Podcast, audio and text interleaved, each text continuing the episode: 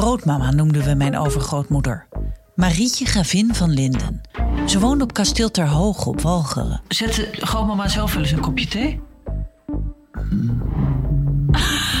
Die stilte zegt genoeg. Je hebt haar nooit een kopje thee zien zetten. Nee, dat deed Mina, denk ik. Mina Marinissen was haar dienstbode uit Koudekerken. Ze bleef altijd ongetrouwd en werkte hard voor haar mevrouw. Je kon bepaalde dingen wel eens merken dat ik dacht, doe je mond open. Ze kon geen kant op. Luister naar Mina en mevrouw. Een podcast van mij, Maartje Duin, voor VPRO's OVT, NPO Radio 1. Ik lag in een kuil. Dit klinkt als het begin van een nachtmerrie. En dat is het ook. Mijn matras had een kuil en dat deed mijn nachtrust geen goed. En ik maar de sterren van de hemel slapen. Ja, op jouw goddelijke matras van Emma Sleep. Waar ik zo nu en dan ook op mag vertoeven als we samen films kijken. En dus stond Emma onlangs bij jou op de stoep. In hoogst eigen persoon. Of nou ja, in de vorm van een matras. Het Emma Cooling Hybrid matras. En het slaapt Als een droom. ook kuilvrij vertoeven. Op emma-sleep.nl krijg je sowieso al korting waar je u tegen zegt. Maar met code DAMNHONEY aan elkaar geschreven krijg je daar nog eens 10% bovenop. Dag lieve burgers, het is wederom een stralende dag in de Boerenrepubliek der Nederlanden. Welkom bij Damn Honey.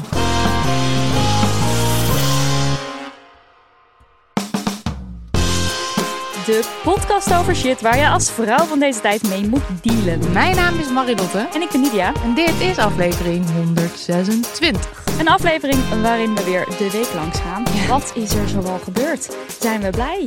Zijn we boos? Zijn we zure augurken? Ja, driewerf, ja op alles. Ja, al is het maar, we zijn misschien niet per se zure augurken, maar we zijn wel zure feministen. Want we hebben gisteren de waterkoker op kantoor ontkalkt. eh, met wow, azijn. ons kantoor ruikt zuur. Dat is helemaal misgegaan. Het is helemaal overgekookt. Dat is allemaal mijn schuld. Je kan blijkbaar zo'n waterkoker niet vullen als je er azijn in doet. Tippie voor de mensen thuis. Ja, niet helemaal vol doen. Ik riep het, maar het was te laat. Want Het dat was ding was al aan het overkoken. En nu ruikt ons kantoor zuur. En maar wij ook zuur. zo hoort het. En zo is het ook Ja. gewoon.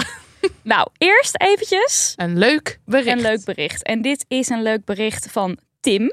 Het is een beetje in een andere categorie dan normaal. Maar alsnog wel heel erg leuk. Wij vonden het allebei in ieder geval enig. Oké, Tim die mailde. Te gek dat jullie Lisa Hinderks recent in jullie podcast te gast hadden.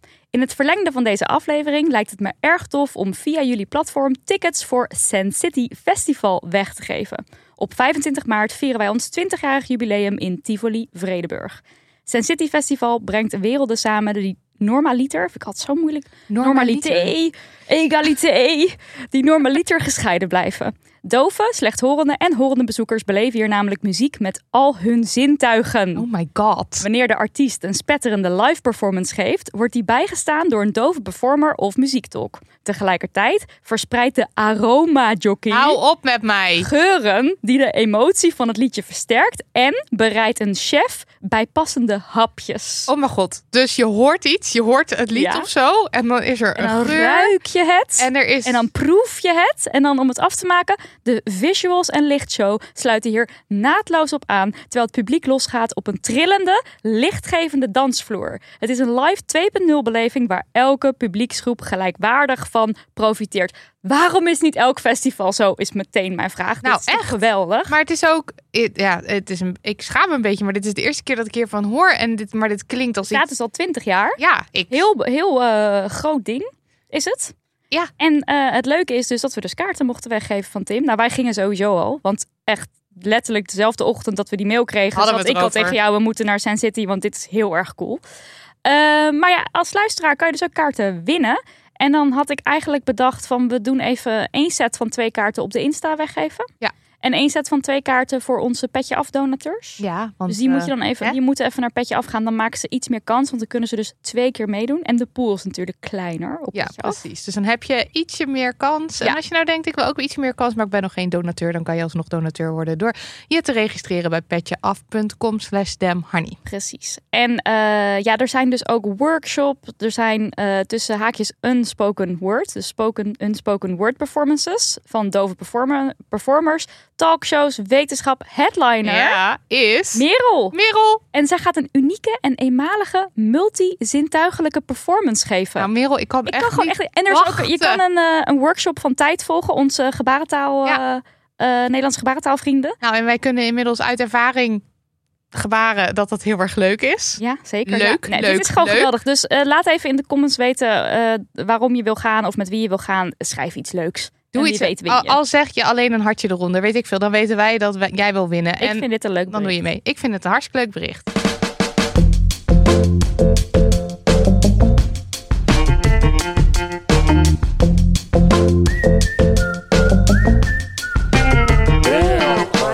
Gaan we door. Marilotte. Ja. Marilo, geef ons een no. Oh, dat is hilarisch. Is sorry hilarisch hoor. Sorry hoor. mensen. Sorry mensen thuis. Je moet de mensen toch een beetje een soort van... ehm, hè? Even een, even een Gezellig de no in ja, laten glijden. Oké, ja, ik eh, kan niet echt om de verkiezingen heen. Nee. Ik hoop wel tegen de tijd dat deze aflevering online staat, wat overmorgen, Overmorgen, is, ja. dat we dan de klap weer een beetje verwerkt hebben. Ehm, het, het was, zeg maar, oké, de, de uitslag is echt somber, want eh, de BBB is gewoon heel erg groot geworden. Het lag in de lijn der verwachting natuurlijk. Het is niet zo dat we verrast zijn. Ehm, ik hoorde al wel een paar mensen van... oh, ik denk dat ik echt te veel in mijn linkse bubbel zat... want ik had dit toch niet verwacht of ik had meer hoop. Maar Dacht jij nou, deze zure feminist Ja. zag het mijlenver ik aankomen. eh, at mijn augurk en ik liep door. ja. Zo voelde het een beetje. Ja, het is, eh, het is gewoon kut. En ehm, ik hoop dat ik me over een paar dagen ook weer wat strijdbaarder voel dan nu. Want nu heb ik echt een beetje dat... eh, waar we het vorige week over hadden in de aflevering... over Extinction, met Extin- Extinction Rebe- Rebellen... eh, Amber en Renske... hadden we het ook over de, dat, je, dat apathie en dat nihilisme... en gewoon dat, dat, dat gevoel van het maakt allemaal niet meer uit... Eh, dat heb ik nu een klein beetje. Ik hoop dat, dat als het eh, de, de tijd verstrijkt, dat ik me weer wat strijdbaarder voel. ja, want we mogen er niet in verzanden. Ja, precies. En eh, ja, dat is gewoon. maar Maar ik wou- ik over wou nog heel even- Oh, Nou, ik wou er nog heel even iets over zeggen. Omdat ehm, eh, de BB, weet je wel, je zou kunnen denken: oké, kut voor het klimaat. Maar dat niet alleen, hè? Want ze heeft bijvoorbeeld ook, eh, Caroline van der Plas, heeft ook allemaal nare dingen gezegd over bijvoorbeeld transvrouwen. Dat zag ik bij Sharmila, die ook bij ons te gast was. Mm. De- eh, ze had daar een story over gemaakt.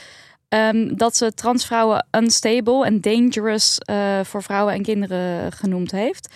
Ehm, dus en eh, ook, het is natuurlijk ook een, een partij die ehm, racisme of xenofobie inzet om mensen te trekken. ja, en Dus ik het zag is wel echt veel breder dan alleen maar klimaat dat dit kut is. Het is gewoon een rechtse, nare partij, partij. die het, ja, die, die er echt ook voor echt nare. Want ze, volgens Ook mij is over abortus, Ja, hè? want Caroline Ja. van der Plas is ook tegen het afschaffen geweest van de bedenktermijn. Ja. En ik las ook iets over dat ze erg eh, gebrand zijn op dat er geen ruimte is voor woke op de universiteit. Ja, nou, dit zeg maar, dus. nu gaan we, ja, ik zal, ik zal me er misschien nog wel wat meer in verdiepen, want het is goed om te weten waar een partij voor staat natuurlijk. Maar eh, ze houden er allemaal schadelijke, schadelijke standpunten op na. En ze worden ook niet echt uitgewerkt, want ik bedoel, het is hoop populistische praat natuurlijk. Zeker als het gaat over het dat er goed. Zeker als het gaat over Lekker dat van alles beloven. Ja, precies. Gewoon zeggen, Lekker nou, zeggen, joh, die Europese richtlijnen, daar hoeven wij uit. ons niet aan te houden, denk ik. Eh, Oké, is nou, dat heus wel een weg zien. om daaromheen. En dan kan ze niet zeggen hoe dan. Ja. Dus het is gewoon, nou ja.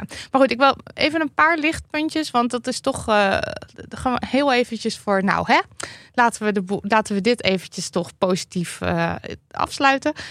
De FVD is wel zo'n beetje alle zetels kwijt. ja, ik vind het moeilijk. Is dat nou een lichtpuntje? Ja? Al deze types, die zijn gewoon met hetzelfde racistische gedachtegoed, met hetzelfde Ja, zijn, je bedoelt, ze zijn van de ene populistische, populistische partij naar de andere gegaan. Ja, Ja, en wat ik, wat ik, ja, goed, oké, dan het is ook niet een lichtpuntje, want het lastige vind ik ook als dit de hele tijd zo gaat. Stel er is over, stel de hele BBB wordt niet, kom, wordt niks. Ja. Dan is er waarschijnlijk over vier jaar Weer een nieuwe. Ja. Dan stemmen mensen daar weer op. Ja. En het gevolg daarvan is dat je dus nergens komt. Ja. En dat dus als je het bijvoorbeeld alleen over het klimaat hebt, dat je daar dus ook nergens komt, terwijl er zo hard actie nodig is.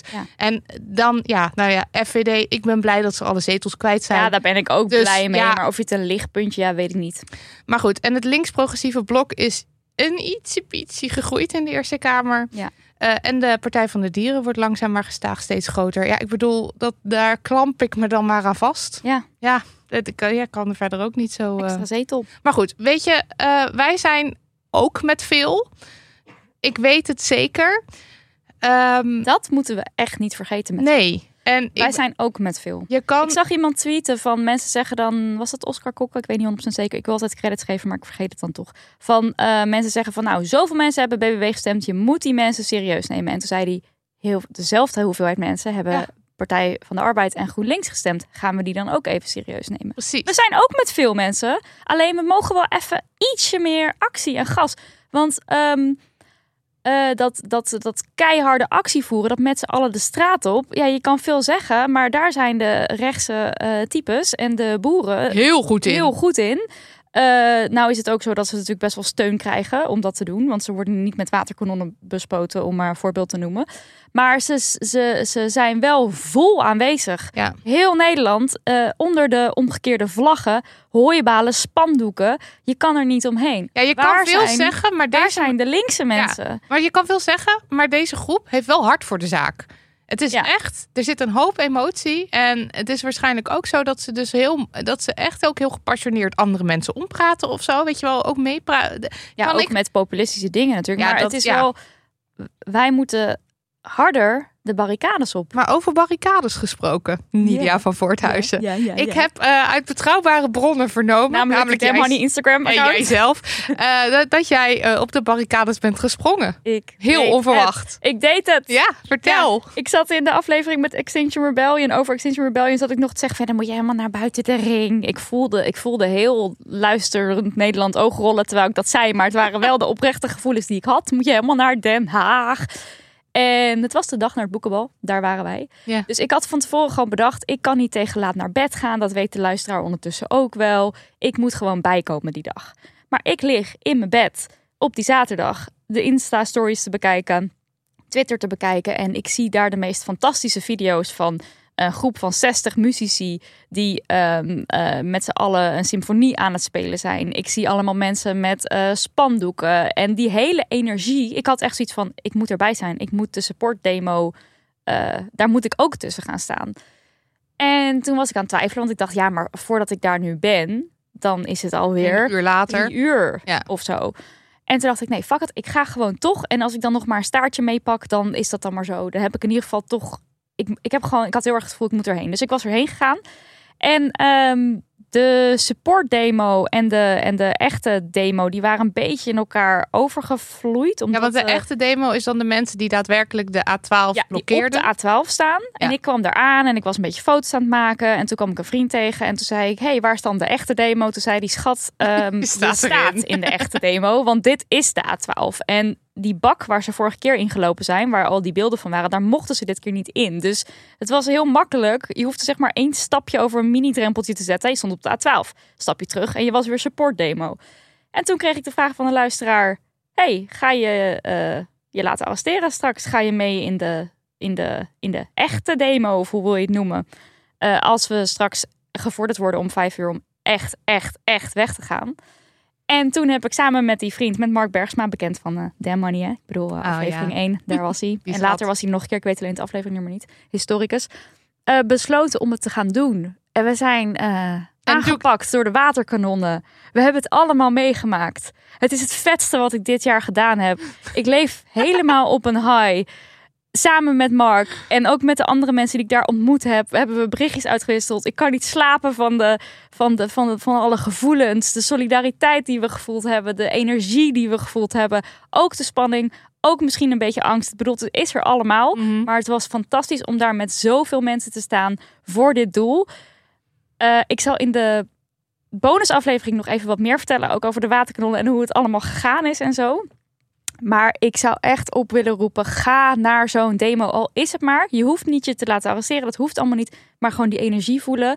Daar krijg je hoop van. Ja, en wat jij ook zei was, de, ehm, het is je hebt heel veel momenten, zelfs al, nou ja, jij hebt mij, oh my god, ik denk dat we ons gaan laten arresteren. Dat Ja. was een soort van ding. Maar jij zei ook, het is wel zo dat je gewoon veel momenten hebt om ook weg te gaan. Dus ja, ja, niet zal ik zo- ook straks allemaal nog meer Ja. over vertellen. Ja. En we zijn dus in overleg met Extinction Rebellion om dus speciale actietrainingen voor honingballen te organiseren. Heel leuk. In Utrecht en Rotterdam gaat dat gebeuren, want die gaat Amber zelf doen. Amber die dus ook de gast was in onze podcast. Ehm, Amsterdam heeft gereageerd, maar ik hoop echt heel erg iets te horen van Groningen, Den Haag, Den Bosch en Nijmegen nog. Want dit zijn bij elkaar de zeven steden die uit mijn kleine inventarisatierondje op Instagram naar voren kwamen, waar de meeste mensen zitten die zo'n actietraining willen volgen. Ja, we zouden het dus heel leuk vinden als mensen met, eh, met een groepje honingballen in hun eigen stad of in een dichtbijzijnde stad Ja. een actietraining kunnen volgen. En de- als we een beetje de inventarisatie mogen geloven, dan zijn dat dan Genoeg is het een behoorlijke groep Ja. volgers of een behoorlijke groep luisteraars. Eh, Dat is echt ontzettend leuk. En eh, als Nidia en ik kunnen, dan zijn wij er ook sowieso bij. Ja, niet bij alle zeven, denk ik hoor. Nee, maar bij de actietraining in Amsterdam Daar zijn, zijn we we zo, bij. ja. Ehm, dus ja, ik, ik heb En er je kan dus gewoon in. op zondagmiddag online, is elke zondagmiddag kan je online een soort kennismaking met Extinction Rebellion eh Ja, het, is- het bijwonen. is allemaal heel er laagdrempelig. zijn al zoveel dingen. Je hoeft helemaal niet te wachten tot er iets voor honingballen georganiseerd Maar wordt. ja, als je elk denkt, moment iets ik doen. wil gezellig samen, Precies, dan, kan je daar even, ja. moet je even de. Hartstikke leuk. En dan gaan we daarna gewoon met z'n allen, met z'n allen eh de boel Ja, met nog meer mensen, want het was al veel groter dan vorig ja, jaar. en dat vind ik een heerlijk gevoel. Dat, het, dat, die, dat, die, eh, dat die groep steeds groter We zijn wordt. met veel. Onthoud zijn met dat veel. niet. Nou, dan is er nog een eh, Manino. En die de Manino heet Suzanne Toiber. Nee, dat kan niet. Want het Nee, is zij, niet- zij is niet de Manino. Nee, maar wat daar gebeurt is de Manino. Ja, oké. Ik heb het wel Suzanne Toiber genoemd. Maar goed, eh, zij, Suzanne Toiber, is eh, expert sociale veiligheid. En ze is docent aan de Rijksuniversiteit in Groningen, aan de rug. En, eh, of eigenlijk, ze was docent aan de rug, want ze is ontslagen. En waarom is ze ontslagen? Nou, omdat ze kritisch was op de universiteit waarvoor ze werkte. Dat Dus- is niet leuk. Nee. Mensen die kritisch zijn. Nee, dat moeten we niet hebben.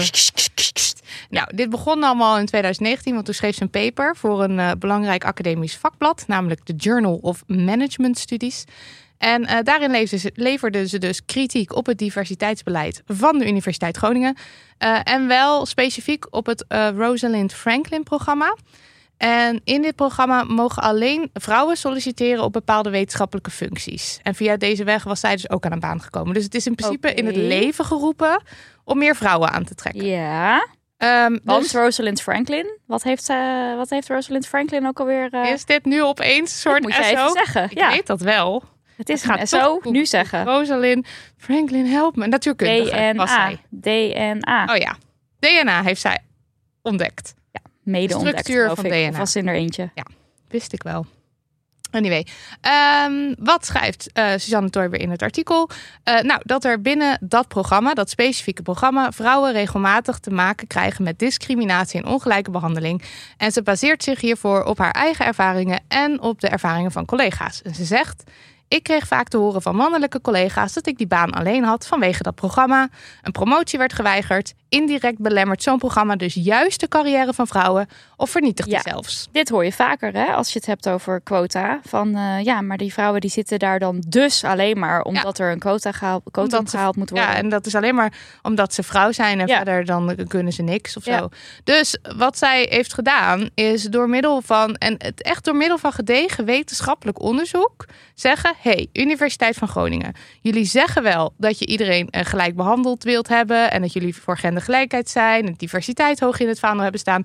Maar ondertussen is het zo dat dit programma, dat werkt ons eigenlijk tegen. Eh, de- de- eigenlijk ik merk er niks van. En talloze mensen met mij hebben deze vervelende ervaringen. En jullie diversiteitsbeleid beschermt degene die het zou moeten beschermen niet goed genoeg. Ja, oké, duidelijk. Ehm, na die publicatie van haar artikel werd ze onder druk gezet om het artikel in te trekken. Want dit is kritiek op de universiteit. En dat heeft ze niet gedaan. En nu, we zijn inmiddels zo'n drie, vier jaar verder, is ze dus ontslagen. En een rechter heeft vorige week geoordeeld eh, dat de universiteit haar inderdaad mag ontslaan.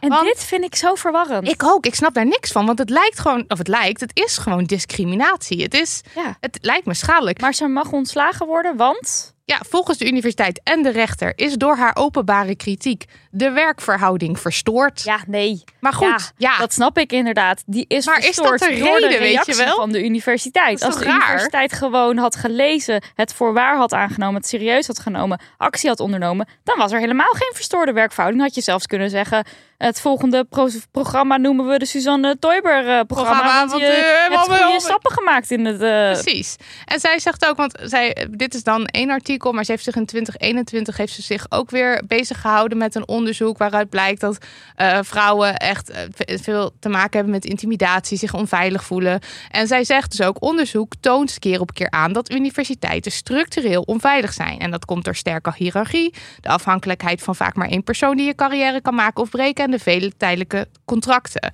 En het is dus nu bye bye Suzanne Toiber. En sorry, maar dat is echt niet oké. En Nee. deze vrouw is nota bene gespecialiseerd in sociale veiligheid en veranderingsmanagement. Ja, dus dit is de wetenschap die zij bedrijft. Die, die past zij dan dus toe, Toe op de op de universiteit, zelf. ja. En dan is het opeens klaar. Ja, dus hoe kan je dan een goede, en gedegen kritiek leveren? Hoe kan dat? Nou, ehm, ik dacht, wie moeten we hiervoor hebben om hier nog eventjes iets nuttigs over te zeggen? Dus daarom eh, hebben, heb ik even eh Doctor of Philosophy, humorwetenschapper en vriend van de show Dick Zijp gevraagd. eh, waarom deze hele situatie niet oké is. En hij had het volgende te zeggen. Oké, wacht even. Mensen, er staat heel groot in het draaiboek. Insert dik. Ja, insert dit Dick. verklaart, want ik dacht, wat moet jij nou met die dik? Je houdt helemaal niet van dik.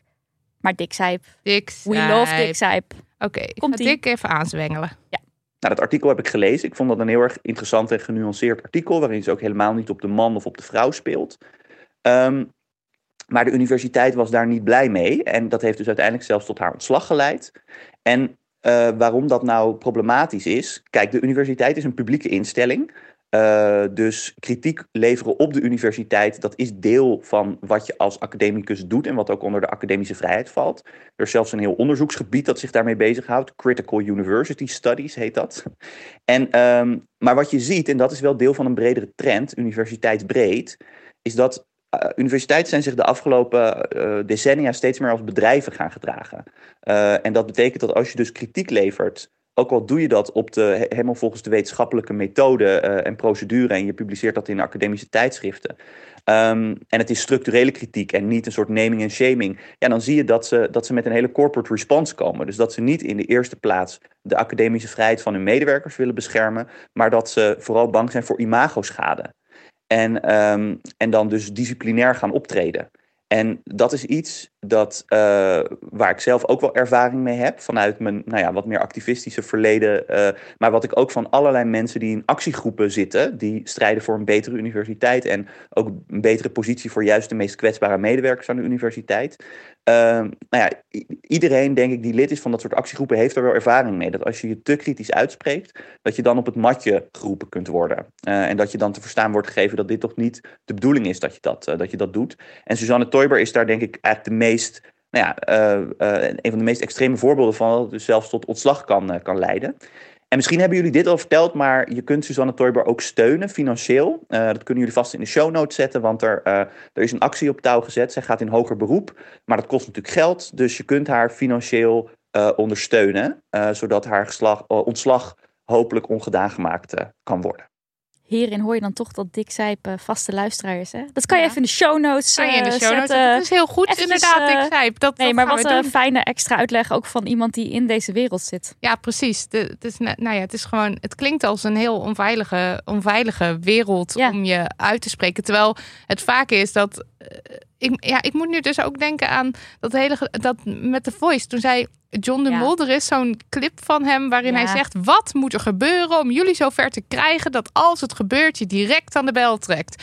En hier trekken mensen aan de bel. En het Ja. gaat over intimidatie, discriminatie, grensoverschrijdend gedrag, of het nu seksueel is of niet. Het, mensen trekken de hele fucking tijd aan de bel. En nu, ze, nu zelfs wetenschappelijk onderbouwd, peer-reviewed, weet ik het, zeg maar. Het is helemaal, het is hier, het staat hier, het wordt je aangeleverd.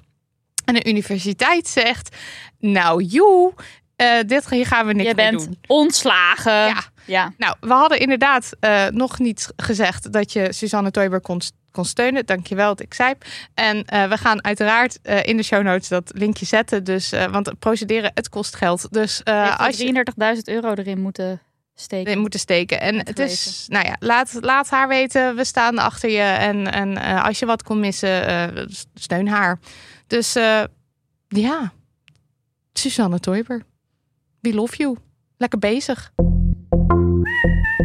Er was eens, gewoon in het hier en nu en in een land hier helemaal niet zo ver vandaan, want gewoon in Nederland, een sponsor genaamd uitgeverij Belossen Boeks. En deze uitgeverij, opgericht door prinses Meerte Spiteri, gaf een boek uit getiteld Assenpoester en het glazen plafond. Dat vol stond met allerlei feministische sprookjes, zoals... Rapunzels oksels.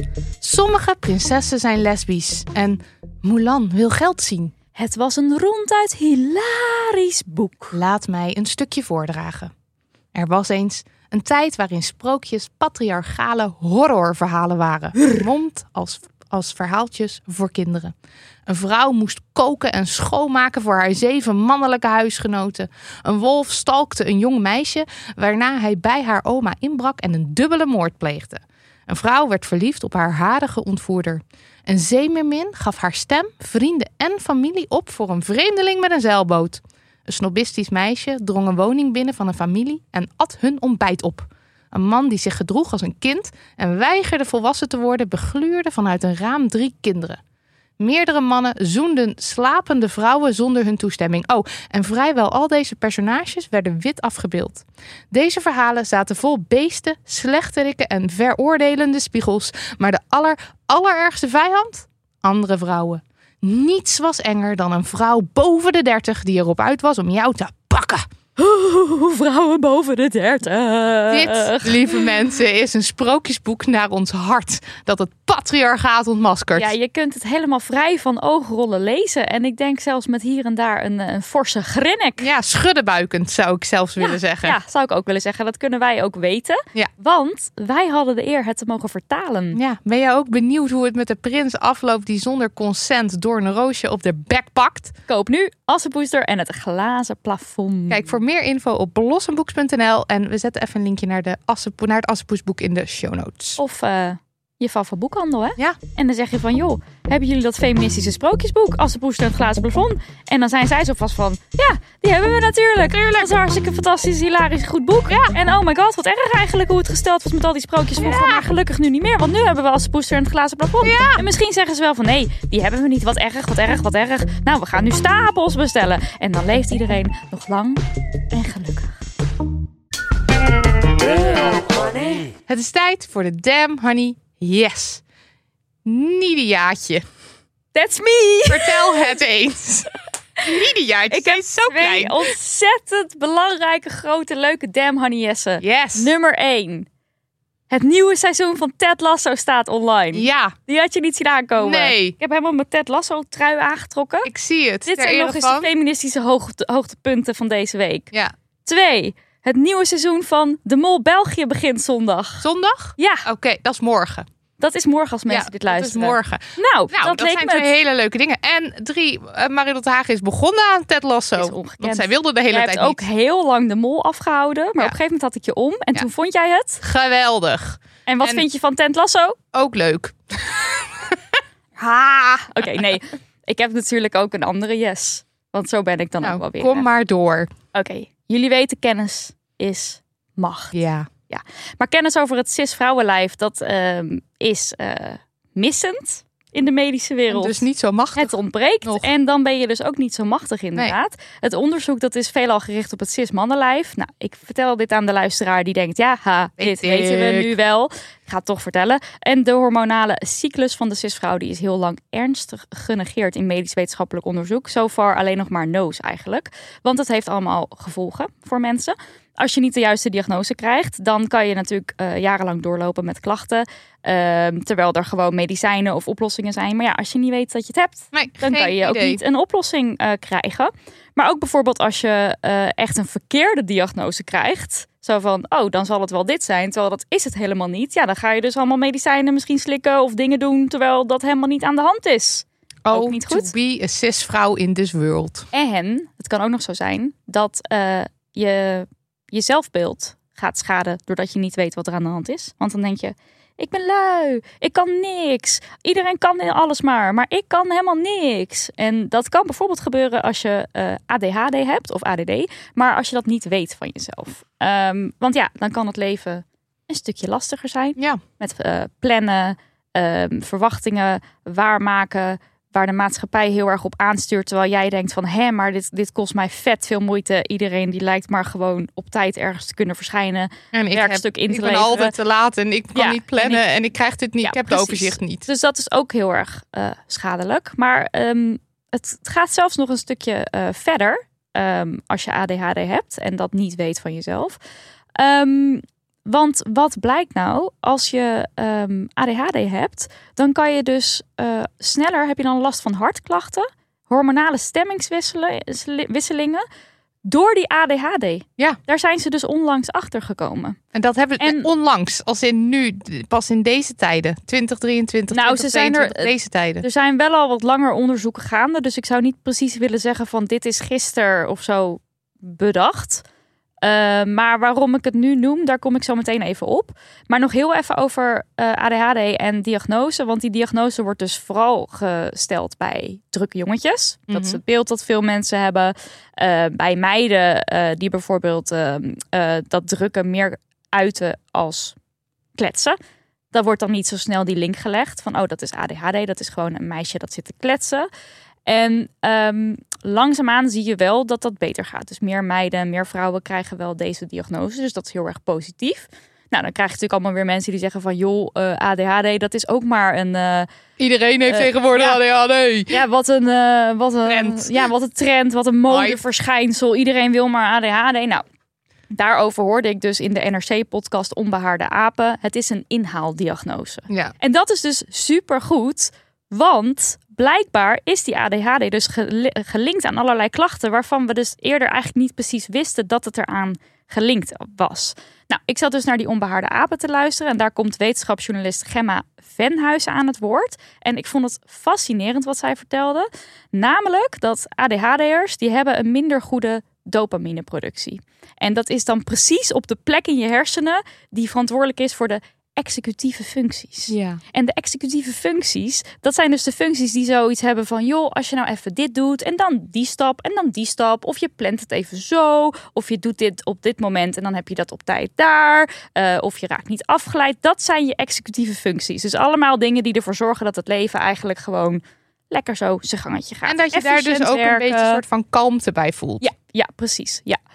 Uh, want je hebt dus ook niet uh, per se heel erg stress of paniek Um, zolang je lekker dat dopamine gewoon lekker, je ding. Is. Ja. Nou, als je ADHD hebt, dan heb je dus wel snel moeite met dit soort dingen, want je mist die dopamine op de juiste plekken. Waarom is dit nou gelinkt aan vrouwen? Um, nou, dat zit zo. Oestrogeen heeft een soortgelijk effect als dopamine. Dus op het moment dat jouw dopamine wat minder is, want je hebt ADHD, mhm. dan kan jouw oestrogeen dat nog een soort van een beetje zo opvangen. Ja, opvangen. Het is een soort buffer, zou je kunnen zeggen. Dus cis-vrouwen zonder ADHD, die hebben dan wel gewoon lekker dat buffertje en it's all fine.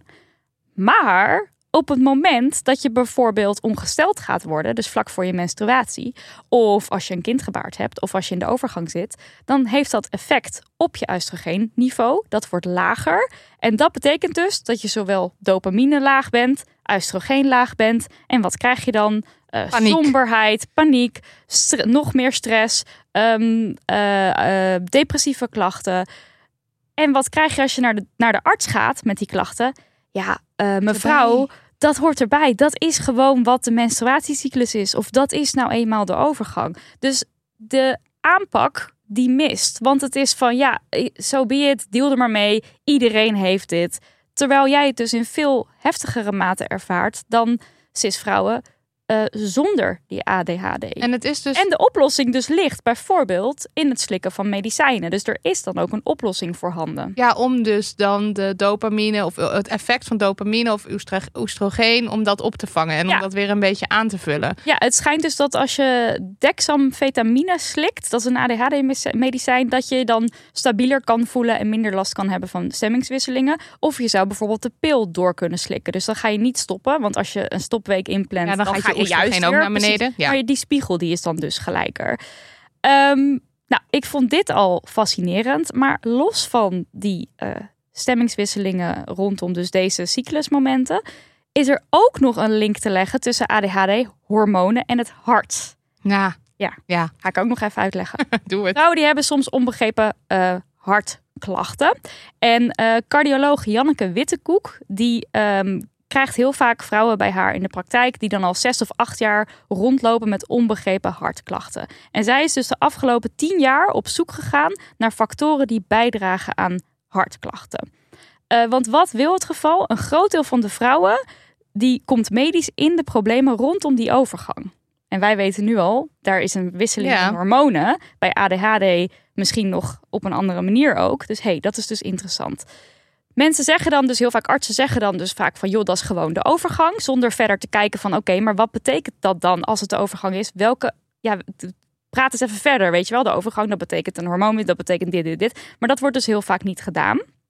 Ehm, vrouwen met ADHD ervaren dus vaker stress. Mhm. Een soort altijd gaande stress. Niet de huistuin- en keukenstress, zoals Janneke eh Wittekoek dat dan Nee, maar dit is gewoon dit is stress over gewoon het normale le levensstress. Ja.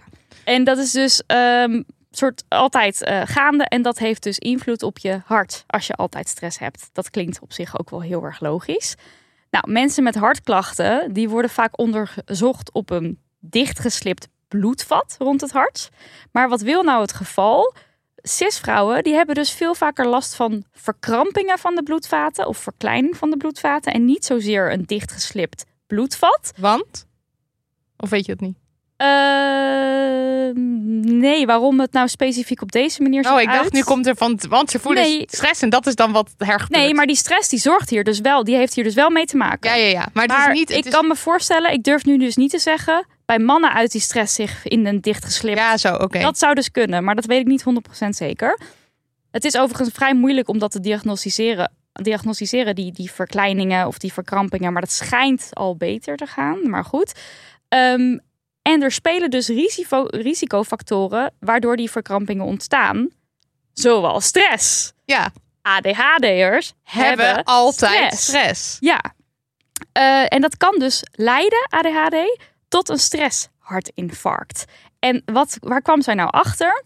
Patiënten die langdurig met hartklachten rondlopen, 35% van de vrouwen van die groep, die scoorden positief op een eerste screener voor ADHD. Ja. Dus een soort eerste test. Dat is nog niet helemaal 100% helemaal volop door het hele riedeltje heen. En, en, en, en de mensen die bij PMS werden ze ook gescreend, toch? En daar waren ook allemaal mensen die dan. ADHD Ja. hadden. Nou, die oestrogeen, die heeft namelijk... Dat is dus de, do- soort dopaminebuffertje kan het, eh, kan het helpen. Maar het heeft ook een beschermend effect op het hart.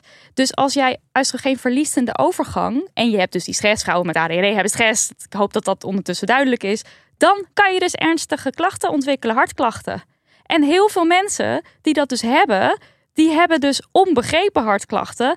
die hebben niet gediagnosticeerde ADHD. Het is toch heftig? Ik Ja. vind het zo pijnlijk Maar weer het dat goede nu, ja, is dus, deze kennis Ja. is er nu. Ja, en waarom ik het dus nu specifiek nu vertel, want het is misschien al iets langer gaande, ik kwam hier nu pas achter, is omdat die Janneke Wittekoek, die cardioloog, die heeft samen met een gynaecoloog, Dorenda van Dijken, en met een psychiater, Sandra Kooi, het H3-netwerk opgericht. En eh, het H3-netwerk is dus eh, bedoeld om ehm, kennis, ervaring rondom dit thema te delen tussen eh, verschillende eh, beroepsgroepen, die nu misschien nog een beetje als eilandje zo allemaal werken, hun eigen richtlijnen hebben.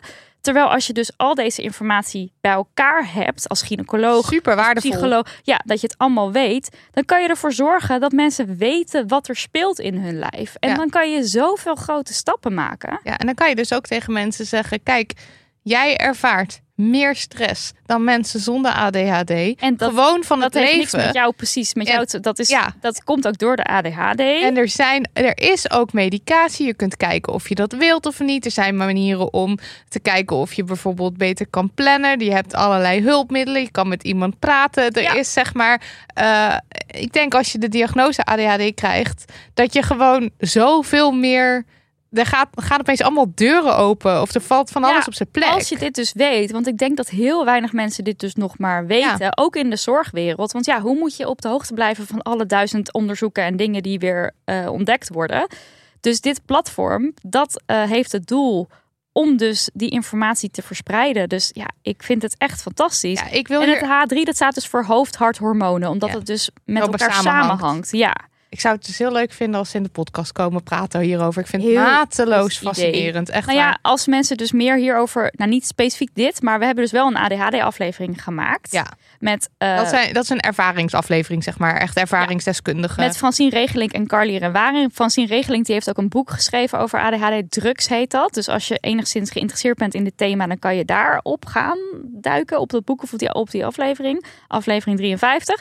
En we hebben natuurlijk een aflevering gemaakt over man-vrouw verschillen in de zorg. Ja, Met uh, Twan geweldig. Jansen. Geweldig, ja precies. En dat is aflevering 73. Ik zal het ook allemaal in de show notes zetten. Maar wow, toch? Ja, echt. Ik, En ik denk ook aan alle vrouwen die vroeger in, in, in ja, hoe moet ik dat noemen? Gestichten gezet zijn. In de over, dat ze in de overgang komen. Ja, en dat je gewoon weggezet wordt omdat er gewoon niet geen vocabulaire was, omdat er Ja. gewoon niet, omdat het gewoon was, nou, hysterisch mens. En ook, Zet maar ehm, neer. Eh, Janneke Wittekoek. eh, Ik hoorde haar dus in Spraakmaker. Ik weet niet, Spraakmakers. Ik weet niet of ik dat nou duidelijk gezegd had op de radio. Ik zal ook alle bronnen ook allemaal in de show notes zetten. En zij zei ook van ja, als ik nu terugkijk naar patiënten die ik gehad heb, die ik toen dan toch wel weggestuurd heb. Zo van ja, dat is de overgang. Eh, dat is natuurlijk wel ja, pijnlijk. Niet dat zij daar ja. toen wat aan kon doen. Maar ja, het is wel, ja, kijk naar alle levens die zo beïnvloed zijn. Omdat deze kennis dus er nog niet goed was.